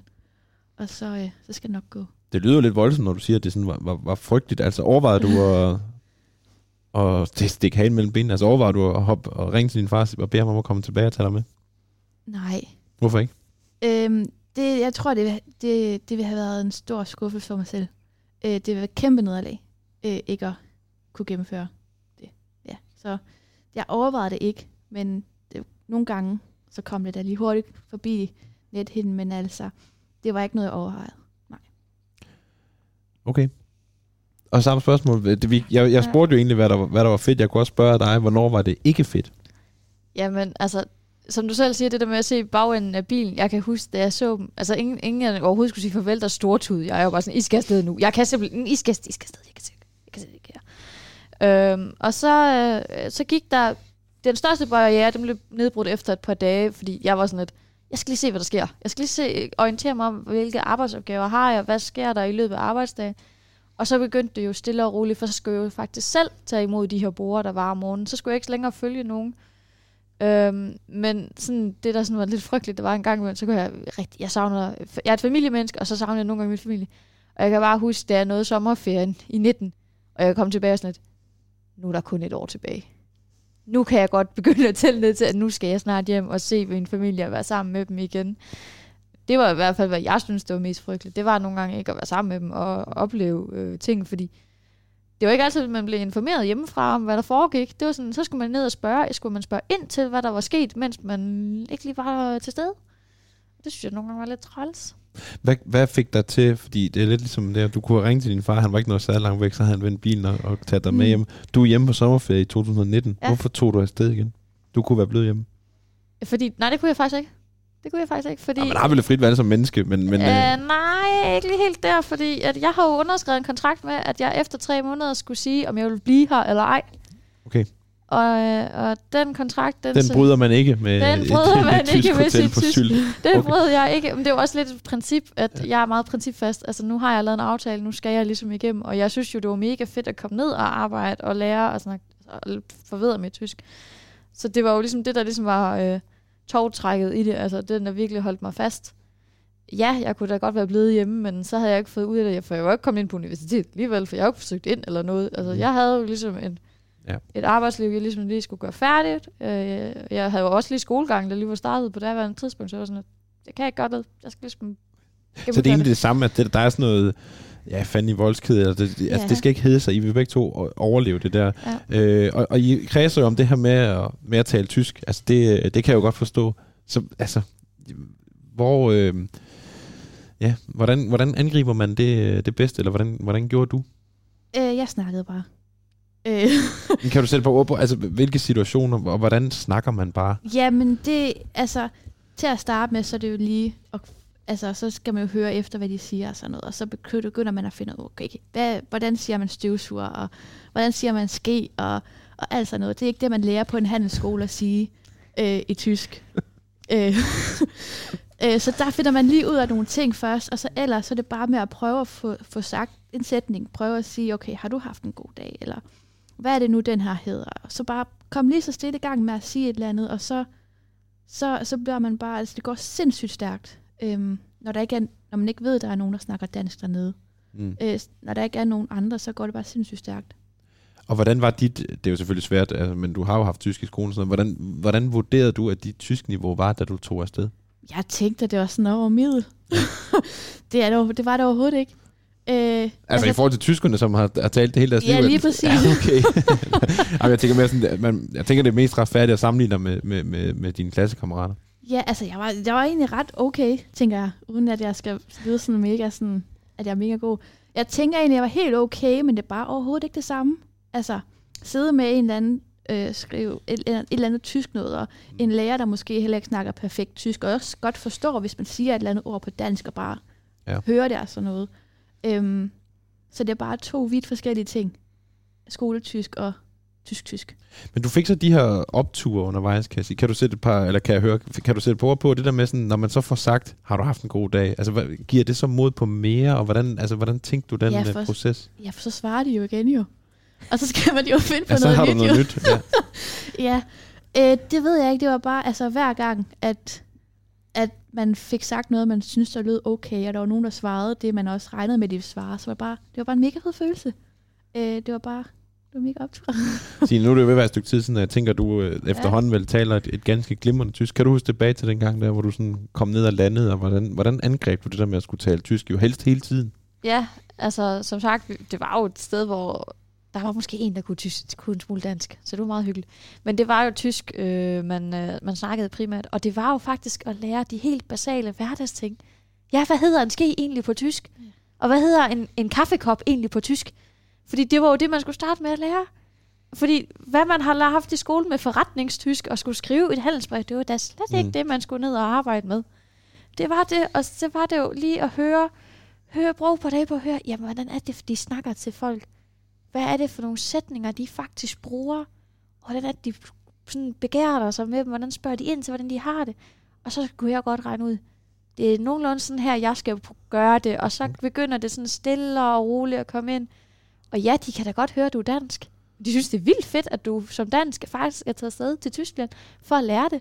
De ser igennem fingrene med, om der er grammatiske fejl, eller hvad pokker der er. De synes, det er ligegyldigt. De, de, de, de, de, de synes bare, det er fedt, der faktisk er nogen, der er taget afsted, som gerne vil lære deres sprog, og gerne vil det. Ja, det er, jo, det er jo den samme oplevelse, jeg egentlig har, hvis man vender det om til, til, til hvis vi møder en, en udlænding, der kommer til, Ja. til Danmark, og som prøver at sige Ja. noget på dansk. Det er sjældent, man, man møder dem sådan med, med hadtænker. Det er jo en eller anden form for Ja. sådan øh, glæde eller benovelse, eller overbærenhed i forhold til, at der måske ikke lige er helt øh, grammatisk korrekthed hele vejen Ja. igennem. Jeg skal bare høre, hvad hedder en støvsuger så på tysk? Stopsauger. Lige præcis. Den, det glemmer man ikke. Og I har jo fortalt, hvad I, øh, I har jo fortalt, hvad I lavede dernede. Og, og Signe, det der med at, at komme, komme afsted, og I, du havde nogle, nogle forventninger, nogle tanker om, hvad der skete. Hvordan, hvordan stemte de arbejdsopgaver, du troede, du skulle løse, øh, overens med det, du rent faktisk løste?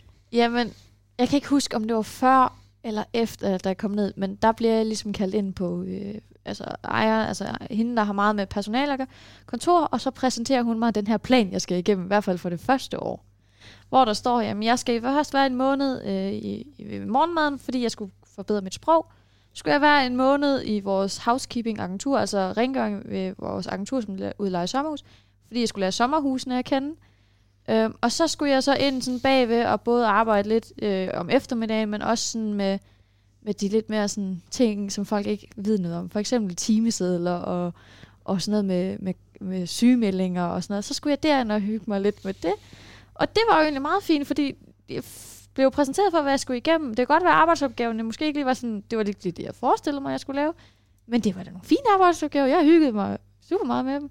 Og så var jeg også, hvad var det, to, to og en halv måned i receptionen, selve hotelreceptionen. Der fik jeg da ikke lov til at tage så mange telefoner eller skrive så mange e-mails. Jeg fik lov til at lave mange andre opgaver. Og det var først, da jeg sådan rigtig kom over i vores agenturbureau, at jeg faktisk fik lov til at både rigtig at snakke med folk sådan ansigt til ansigt, men også øh, begynde at tage telefonen stille og roligt og skrive lidt mails. Ja, der var der lidt fejl, og så fik jeg da en af mine medarbejdere til at kigge den over. Og de grinede jo en gang imellem med mig, fordi jeg skriver meget kontant, som vi gør på dansk. Tyskerne, der kommer lige sådan nogle fine, små, finurlige ord, ord ind imellem, for at gøre det sådan lidt, lidt mere høfligt. Hvor vi sådan, det skal stå sådan her på dansk, og nej, det var ikke lige sådan, det skulle stå på tysk i hvert fald. Men det var meget hyggeligt. Så lidt i marketing også. Og så gik det jo sådan videre tilbage, og lidt rundt igen i, tilbage til agenturet, lidt i bogholderiet. Rigtig meget tilbage i agenturet efter corona og så lidt. Det var, det var meget spændende. Ja, en øh, blæksprutte. Ja, på det jeg var hotel, lidt af, der. hver, lidt af hvert. Og hvordan stemte det overens med det, du, det, det, du oplevede, som, som det, du, det, du ligesom troede, du skulle, da du tog afsted? Det, tog, det, det, det, var, det var nærmest ens en. Mm. Øh, altså jeg fik, havde fået en plan, hvor der stod, de første to uger skulle jeg være i, i rengøring, og næste to uger skulle jeg være i morgenmadskøkkenet, og så, ja, og så, så videre. Og det var, det var det, jeg var. Ja. Jamen, de, er jo, øh, de har jo også ryge for at være, for at være tjekket. Ja. øhm, nu nærmer jeres ophold sig så jo afslutningen, sådan i vores imaginære verden, ikke? Og du, du er næsten, næsten lige kommet hjem efter to år dernede. Var du klar til det? Ja, øh, men altså, hvis man lige sådan spoler bare lige lidt længere tilbage i forhold til ophold, så var jeg jo hjemme i corona, og der valgte de at bruge min øh, feriedag, som jeg, man faktisk har dernede som elev, til i coronapausen. Så da jeg, hvis jeg kom tilbage dertil, så havde jeg faktisk ikke noget ferie, eller overhovedet. Og jeg havde faktisk været nødt til at forkorte min kontrakt dernede, fordi aftalen var faktisk først, at min kontrakt udløb til slut august. Men det kunne jeg ikke nå i forhold til, hvis jeg skulle hjem og starte på uni mm. og finde lejligheden. Så jeg havde fået kortet den til den 15. Og så, øh, så var jeg også sådan lidt fansk i voldsk, og jeg var irriteret mig, at jeg ikke havde noget ferie, og jeg kunne ikke komme hjem lidt tidligere. Så, så jeg valgte sådan seks uger i streg og arbejde seks dage hver dag. Så jeg havde en juni måned, hvor jeg lavede 50 arbejdstimer ekstra, som i plus, som faktisk gjorde, at jeg kom hjem lidt tidligere, end jeg regnede med. Jeg var faktisk hjemme allerede i juli. Mm. Der var sådan lidt fansk i også fordi de manglede arbejdskraft og sådan. Så jeg kan godt hjælpe en dag ekstra. Og det, det, det er sådan, ligesom at have været på en, på en god ferie, så, så er den jo også, så er, så er der nogle forskellige forløb i det der, og nogle gange så kan man tænke sådan, jeg gad godt være her lidt længere, eller det passer faktisk fint nu, men, men du var ligesom parat til at skulle... Jeg var parat til at nu skulle hjem, og jeg var jo også kommet ind på den uddannelse, jeg rigtig gerne ville. Nej, det fandt jeg, det fandt jeg ud af. Kan jeg huske, jeg har jo søgt ind, jeg har faktisk søgt ind i marts allerede på kvote 2, fordi det kunne jeg jo. Og jeg fandt ud af på min sidste arbejdsdag, hvor jeg faktisk skulle arbejde, der fandt jeg ud af, om jeg var kommet ind live på mit studie, og det var jeg jo så heldigvis. Og mine kollegaer, dem jeg havde været sammen med i, i meget lang tid her efter corona, de havde været så søde, og de havde lavet en afskedsgave til mig. De havde, øh, de havde øh, købt noget chokolade og har skrevet et fint lille kort, som jeg har liggende derhjemme, og som jeg er super glad for. Og øh, så har de også købt en lille gave, eller de har købt et gavekort til IKEA. Jeg skulle ud, ligesom ud og købe nye møbler, kunne de jo godt regne ud. Og, og der, der er selvfølgelig, når man er afsted tre uger, er, er den her ja, den her kurve øh, måske lidt, lidt anderledes og sådan noget, men, men kunne du være blevet en uge mere, eller var det, eller var det fint nok? Nu tager jeg i hvert fald det første, det, ja, du kan også fortælle om begge ophold, men altså det der med at have været afsted, og så skulle hjem igen, altså hvordan, øh, hvordan var det? Øhm, altså den første gang, der var jeg afsted to måneder, der var det egentlig meget rart. Der var jeg klar til at komme hjem, for det er en, altså, det er en stor mundfuld. Mm. Øhm, der var jeg klar til at komme hjem igen. Øh, det var et helt rigtigt tidspunkt til pas længde.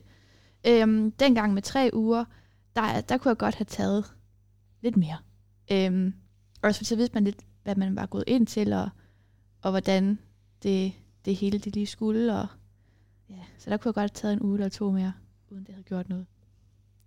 Lisbeth, du sidder jo og lytter. Har du, øh, har du Jamen, Har du lyst til jeg at byde sidder ind? virkelig og... og Noterer flittigt jo. Ja, men jeg synes, det er så er der et par pointer, det, er der et par pointer du, skal, du vil gjort. give videre til, til lytterne omkring det, du har, har hørt her? Nogle af de tanker, du sidder med?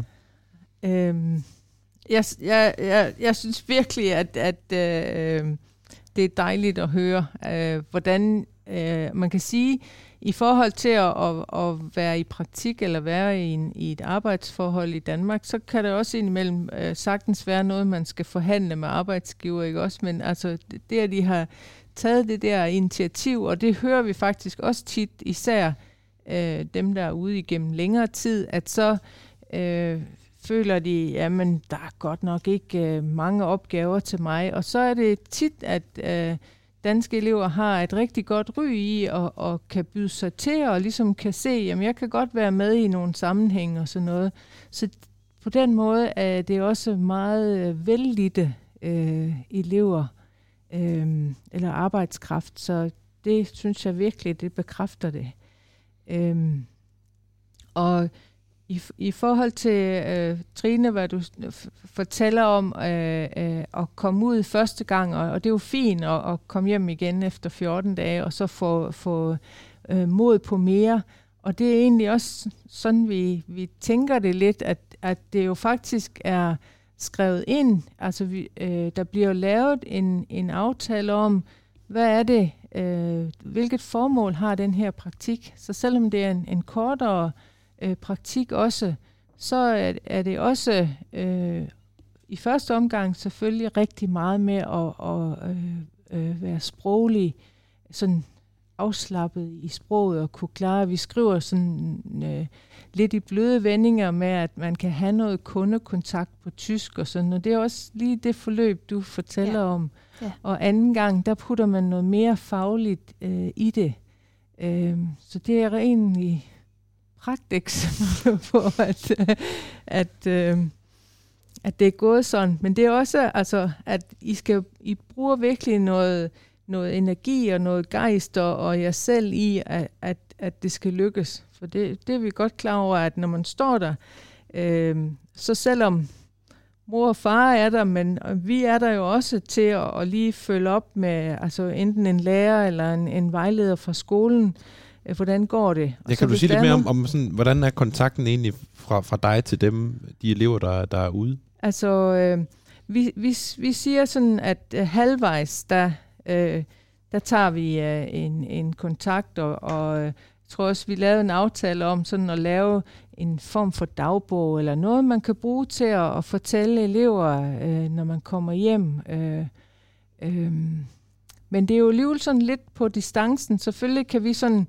lidt tage fat i en arbejdsgiver, hvis, hvis der er noget umiddelbart, øh, men, men altså, det er også sådan lidt begrænset, ikke også? Så, så øh, hvis man ligesom selv kan, kan, kan gøre noget, og, og, og det kan man jo så tage en snak om med sin lærer, hvis det er noget fagligt eller person. Nu tager lige, hvordan, hvordan oplevede I det her med altså at være i en eller anden form for, for tigten-kontekst dernede? Altså fornemmede I, kunne, kunne I få noget hjælp, eller hvilken type hjælp øh, fik I undervejs? Du var afsted i lang tid, altså hvordan er kontakten med, med, med skolen her, med, med Lisbeth eller Ruth undervejs i sådan et forløb øh, for, for dit vedkommende?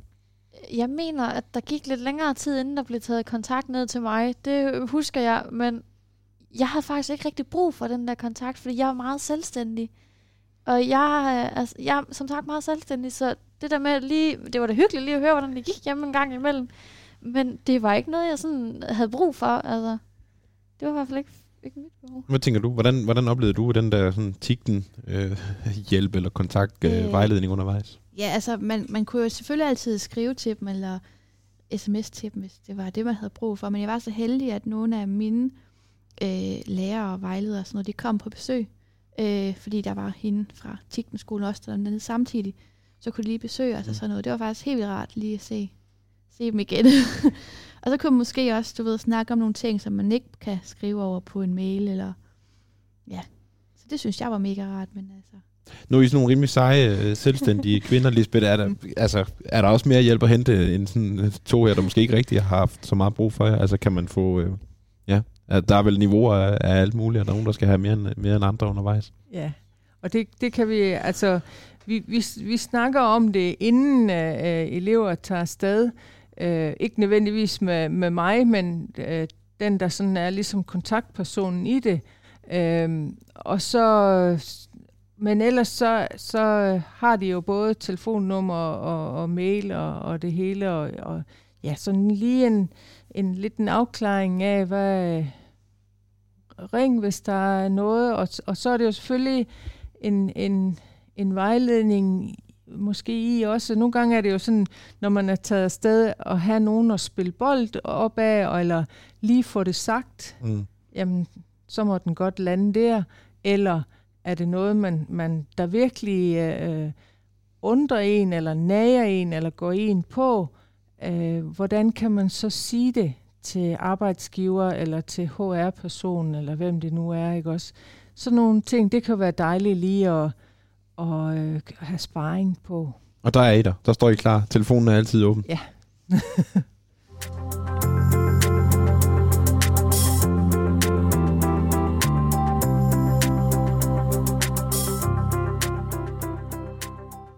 Ja, som jeg sagde for snart en, en time siden, så er det jo en øh, klassisk øh, hjemme ude hjemme øh, op, opbygning på den her podcast. Og nu skal vi tale om, hvad I så, hvad I så fik ud af det. Det er jo sådan, at I begge to er, er på den anden side af det nu, og ikke lige kommet hjem i forgårs, så kan jo se perspektiverne øh, i, i jeres ophold, og hvad I har fået med, øh, med derfra. Så det er det, vi lige skal, skal her i den, den sidste afdeling øh, ja, høre lidt om. Og det er jo et, et kæmpe spørgsmål, øh, og som jeg nu stiller jer.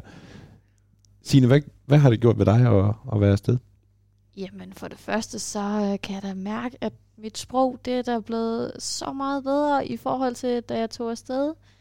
Og det er dit øhm, tyske sprog, Mit tyske sprog selvfølgelig er jo blevet meget, altså meget bedre. Ja, de kunne da godt høre, at jeg snakkede med dansk accent. Nogle af tyskerne, når de sådan spurgte dem, hvor kommer det fra? Og så sådan, Danmark. Mm. Ej, hvor fedt, og sådan noget. Og så kan jeg også mærke, at jeg er blevet lidt mere, altså jeg har fået lidt mere selvtillid i forhold til også at kunne møde nye mennesker og sådan noget. Øh, og jeg har bare, jeg har bare udviklet mig egentlig som person. Øh, personligt vil jeg, øh, at det er sådan det største, jeg, vil, øh, jeg har taget med i hvert fald. Ja, og ja. samme spørgsmål til dig. Hvad, hvad, hvad har du fået med fra dine kombinerede to øh, ture ude? Ja, men jeg har også, som Signe har fået en hel pose portion selvtillid. Øh, og så øh, sådan lidt, lidt mere sådan, øh, altså, vi skal nok klare det og springe ud i det, så, så ser vi, hvor vi lander henne. Øh, ja, det er nok det, jeg har fået mest ud af. Og sådan konkret i forhold til, de, de, til jeres tyske, det er jo sådan lidt svært, fordi nu sidder vi jo og taler ja. dansk. Jeg, jeg kan ikke sådan slå over i, i tysk, men, men du sagde selv, jeg var sådan, jeg var, du var nok okay, og måske middel eller lidt over middel i din klasse. Ikke? Hvor, hvor meget flyttede du dig øh, sådan sprogligt ved at være afsted? Helt vildt meget øh, helt vildt meget, synes jeg. Det kunne øh, cheferne, jeg var på, der hvor jeg var, de kunne også, altså de kunne både mærke på mig og høre på mig, at bare på de få uger, jeg har været afsted, der var sket en kæmpe forskel. Øh, og også min lærer her hjemme på, på, på TIGten, at de kunne også mærke, at om det var nærmest en helt anden øh, pige, de havde fået hjem. Øh, mere selvtillid og mere sådan, jeg kan godt klare det. Og altså det der med, fordi jeg kan godt huske det fra tyskundervisning i skolen, at det var næsten en konkurrence om at sige mindst, ikke? Ja. Altså ændrer det sig? Øh, altså sådan, øh, har du, altså formulerer du dig sådan frit nu, eller, eller er der stadigvæk sådan lidt, øh, når man lige skal i gang, eller hvordan har du det egentlig med det tyske sådan nu? Altså lige nu, der er det lidt stramt. det er ved at være, altså det, det er år, år siden, jeg var ja. afsted sidst, så, så når, og jeg har ikke brugt det siden, så det, det man, man glemmer det hurtigt, når man ikke holder det ved lige. Men hvis jeg tror, jeg, hvis jeg kommer der ned igen, så tænker jeg, så går det lige en dag eller to, så, så er den der igen. Og samme spørgsmål, jeg ved ikke, hvad dit udgangspunkt var, men altså nu er du jo, nu er du jo videre i universitetssystemet ja. og har tysk som sprog. Altså hvordan, hvordan, kan du, ja, hvordan kan, du, kan du bruge det, og hvor langt flyttede du dig af at være afsted? Jamen, jeg flyttede mig faktisk ekstremt langt. Øh, det kunne jeg da mærke. Jeg fik også øh, den, sådan, den sidste aften, der holdt de afskedsmøder for mig dernede, øh, sådan cheferne og dem. Og jeg fik en afskedsgave, og jeg blev, de, min chefer fortalte jo mine forældre, hvor langt jeg faktisk havde rykket mig fra, hvor dengang jeg startede til, da jeg stoppede dernede. Og ja, at jeg havde udviklet mig rigtig meget sprogligt, og det er sådan nu, at jeg kan bare slå over i tysk, hvis det er det, jeg har lyst. Sidste uge ringte jeg for eksempel til min chef for at fortælle, hvordan det var gået. Jeg havde faktisk jeg havde endelig fået min karakter, så jeg var jo nødt til at fortælle, for det havde jo lovet hende, at jeg Mm. lige ville sige, hvordan det gik. Så jeg ringte jo bare til hende, og det slår jeg over. Men det er jo også sådan, at nu har jeg jo som ty- så tysk ude på uni, at hver uge, hver uge der har vi tysk øh, et par gange om ugen. Og der skal vi altså bare snakke tysk, og det er sådan, der, og vi har en lærer, der er sådan lidt efter os. Hvis I ikke siger det, så, så siger hun øh, navnene, og så er man sådan, ja, okay, vi skal nok øh, gå i gang. Men det er helt naturligt for os at snakke det. Øh, jeg har det også nogle gange, så har det, lige nu har jeg nogle ord op i hovedet, de lyder bare tusind gange federe på tysk. De blegner fuldstændig på dansk. Altså, de, det lyder slet ikke rigtigt i hovedet. Altså, det er på tysk, de nogle gange kommer. Siger man ikke, at det er ens modersmål, det er det, man banner på, hvis man slår sig? Og det gør jeg også. Det gør jeg også. øhm, øh, der, der er sådan et, et spørgsmål, som er opstået øh, i forhold til det her, og som jeg godt tænke mig at, at spørge om. Hvad er egentlig sådan det vigtigste, når man tager afsted? Er det, fordi I begge to er jo i sådan en, en handelsskoleverden, øh, ikke? Altså HHX og, og EUX med nogle forskellige øh, linjer. Du havde noget finans og meget matematik, ikke? Og, og administration var det herovre. Men, men, men det var jo sådan, når når vi snakker om, at I fik ud af det, så er det jo mest sproget. Så sådan, altså var der noget fagligt udbytte i forhold til jeres ungdomsuddannelser, som kom med hjem? Eller, eller er det sproget, der, der overvejende er, er, ja, hvad kan man sige, gevinsten?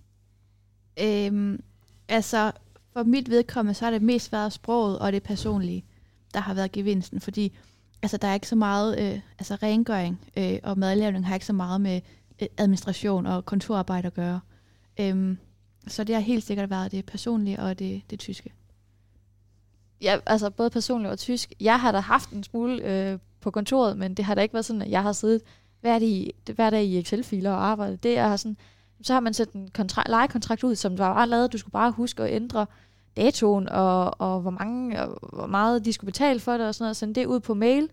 Der har der været lidt, men det har været personligt, og det har været sproget, der har udviklet sig allermest, hvilket faktisk også var meningen. Det var ikke så meget, at det kontormæssigt, men det var sproget, øh, og det personlige. Der. Du nikker anerkendt, Lisbeth. Er det okay, altså man tager afsted, og så er det egentlig med, et- med et personligt og, og sprogligt sådan, øh, en gevinst, og så det der sådan handelsfaglige, det er måske sekundært, men, men jo ikke helt øh, ikke eksisterende. Er det, er det, er det, det, det lyder fint i dine ører.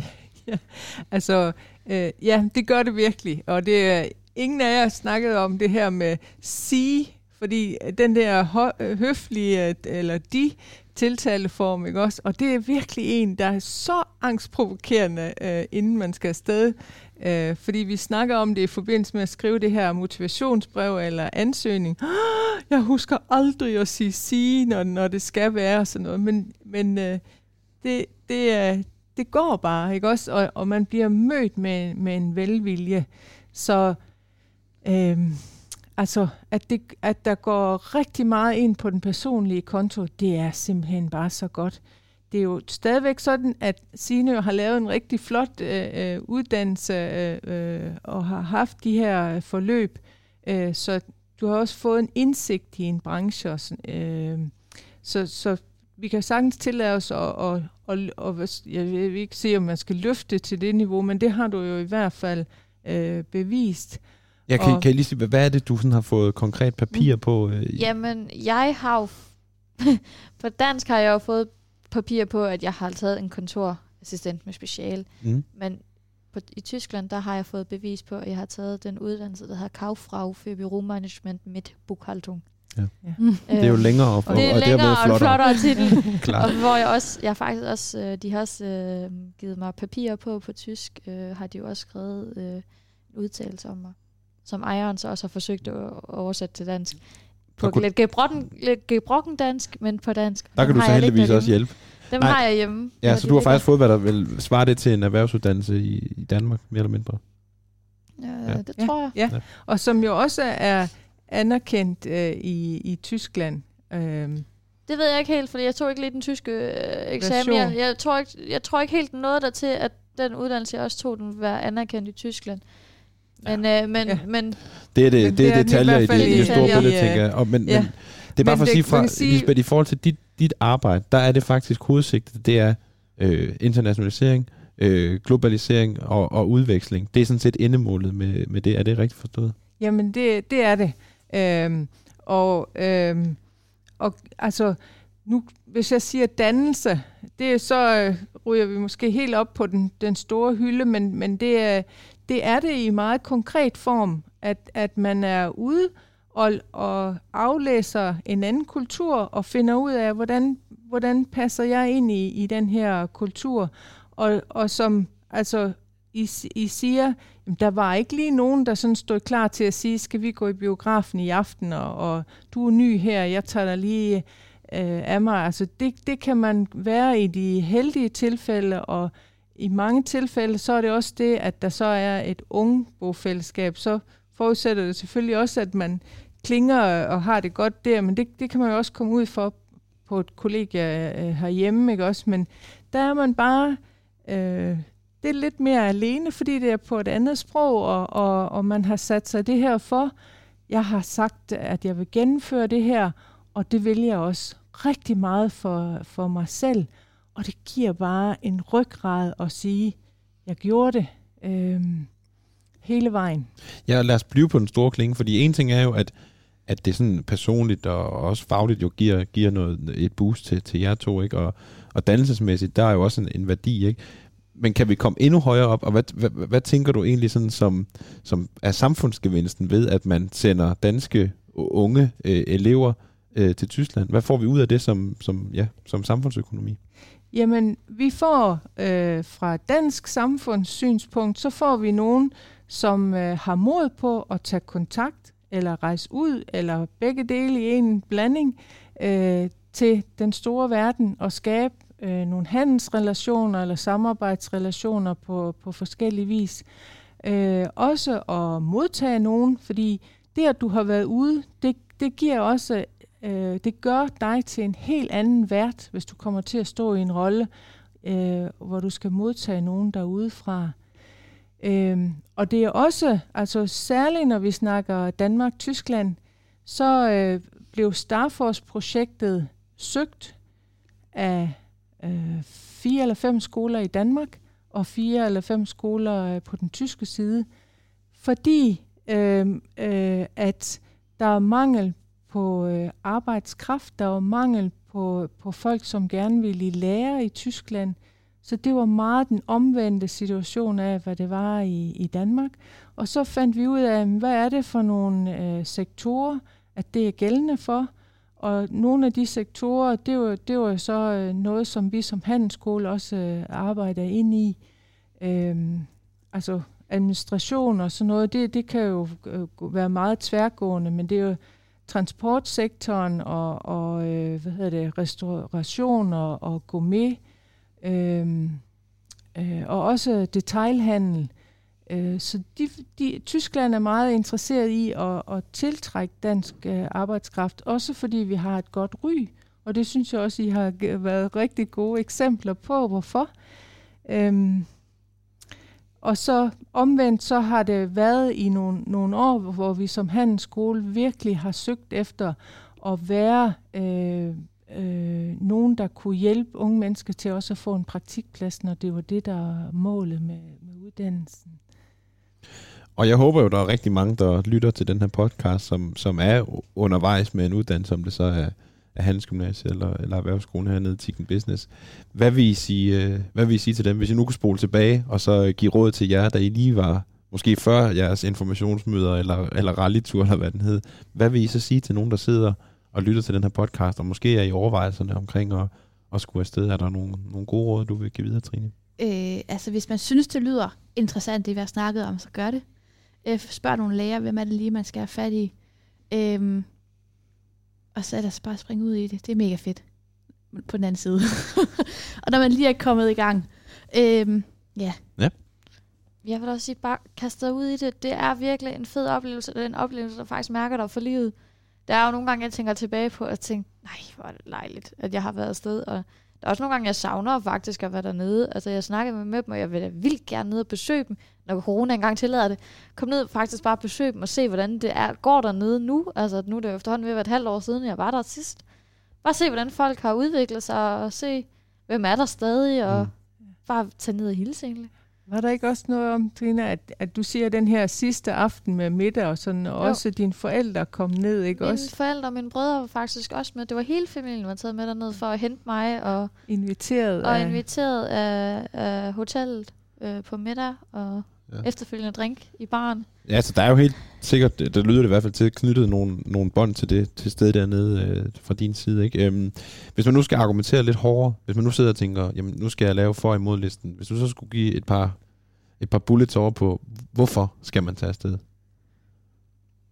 Altså for det første, så ser det jo godt ud på CV'et, øh, at, øh, at man har været i Tyskland, og at man godt tør øh, gøre ting. Øh, så skal man også gøre det, fordi det bare er en kæmpe oplevelse. Øh, Den her, den her CV-ting, hvordan, Ja. kan du, hvordan kan du mærke det? øh, altså hvis man er til samtaler, øh, så, så bliver det altid, øh, man, hvad, så, så kommer det altid op, jamen, hvad lavede du, og hvorfor gjorde du det, og, og, og sådan noget. Og Det må Mm. mm. da have været fedt. Så, så det, kom, altså, det giver altid nogle point, øhm, når man er til samtaler. Ja, samme spørgsmål herovre. Signe, hvorfor, hvorfor skal man tage afsted?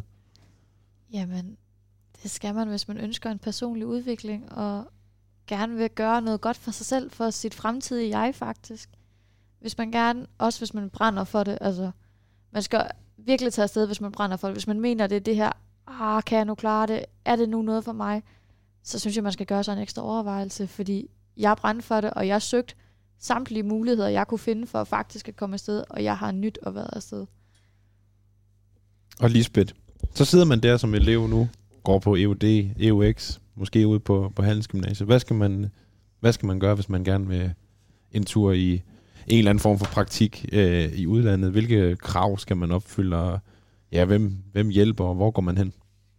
Ja, så skal man øh, øh, netop være, øh, være, lidt, være lidt nysgerrig på, øh, hvad er mulighederne. Altså vi, vi, vi, øh, vi prøver, nu sådan, corona kan godt være, at det ændrer lige lidt på, hvornår vi gør det, men ellers så holder vi øh, på business sådan informationsaften, også typisk, hvor, hvor forældrene er, er med ind og høre om uddannelsen i det hele taget, men så også, at der er et internationalt og et praktikelement øh, der.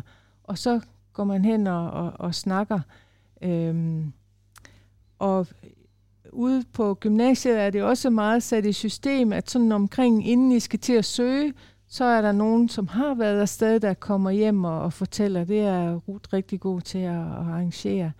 Øhm, så man kan gå til sin lærer, øh, og man kan også gå til øh, de vejledere i praktikservice, øh, der er her, eller øh, skrive en mail til ljma.titken.dk, eller øh, øh, ringe til mig, så, øh, så, så finder vi ud af at og, og, og, og ligesom forfølge den her interesse og se, hvad det er. Fordi det er faktisk rigtig godt, at, at lige så snart man hører om det første gang, og bare siger, jamen det er, det er, der er en spire, der er noget, jeg vil overveje, så ikke sådan sige, jamen jeg skal lige undersøge en hel masse selv. Man kan sagtens øh, øh, øh, snakke om det, bare det, at det har en interesse. Fordi altså alle de forskellige øh, uddannelsesgrene, vi har på, på Titgen, de har jo sådan hver sit årsjul, og det skal jo passe ind i, i, i det. Øhm, øhm, altså nogen, hvor det kan lade sig gøre ved, at, at, at så, så øh, bruger de også øh, vinterferien eller efterårsferien som den ene uge, og så kan man øh, finde ud af at have en projektuge, eller på en eller anden måde, så man, hvis man helt selv ud af en klasse tager afsted, jamen så, så skal der jo være, øh, at man ikke øh, går glip af noget øh, i forhold til læseplanen. Øhm, og nogle klasser eller årgange har vi også kunne samle nærmest hele klassen, eller arrangere det på den måde, så det er egentlig, at det foregår forskelligt, alt efter hvilken uddannelse du er i gang med på Titken. Velviljen øh, fra, fra din og dine kollegaers side, den er stor. Hjælpen er, er stor, sådan som jeg hører det i hvert fald. Man skal, man skal bare tage kontakt, hvis der er det, den mindste form for lyst. I hjælper til hele vejen rundt, så jeg synes egentlig, det lyder sådan relativt til at gå, gå til. I smiler og, og nikker også her. Det, er, det betyder også, at vi faktisk har nået igennem øh, dagens program, så jeg skal sige øh, tak til mine tre gæster i den her udsendelse. Nu skal jeg nok få navnet rigtigt. Der var lige byttet rundt, ikke? Trine Møller Ørebro. Lige præcis. Ja. Og øh, Signe Storm Hansen og Lisbeth Junker Mathiasen. Ja. ja. Tak fordi vi kom og være med i dag. Tak Det var for det. Ja. Og tak til dig, øh, kære lytter. Jeg skal lige sige, at hvis I nu har spørgsmål til Lisbeth, så, øh, så fik hun lige sagt sin mailadresse. Jeg siger den lige igen her. Det er ljma i kan også tage fat i vores anden koordinator, hende vi har talt om som Rut. Ruth. Hun hedder Ruth Schäfer og huserer ud på Tikken Handelsgymnasium. Hun har mailadressen ru sc Og så er I altid velkommen til at ringe til vores to skoler, Tikken Business og Tikken Handelsgymnasium. Telefonnummerne, dem kan I finde på www.tikken.dk. Jeg glæder mig til at optage flere programmer, hvor blikket er rettet ud mod vores omverden, ligesom den her. Øh, og også selvfølgelig flere afsnit af Tikken for Fremtiden, hvor vi taler med kollegaer og elever. Har du fået lyst til at høre tidligere udsendelser af Tikken for Fremtiden, så kan du finde dem på SoundCloud og i iTunes, eller hvor du ellers lytter til din podcast. Har du ris eller ros eller gode idéer til, hvad jeg skal arbejde med i næste udsendelse, så send den til mig på sivo Mit navn er Simon Wotman. Tak fordi I lyttede med. Du lyttede til Tikken for Fremtiden, en podcast om uddannelse på Genhør.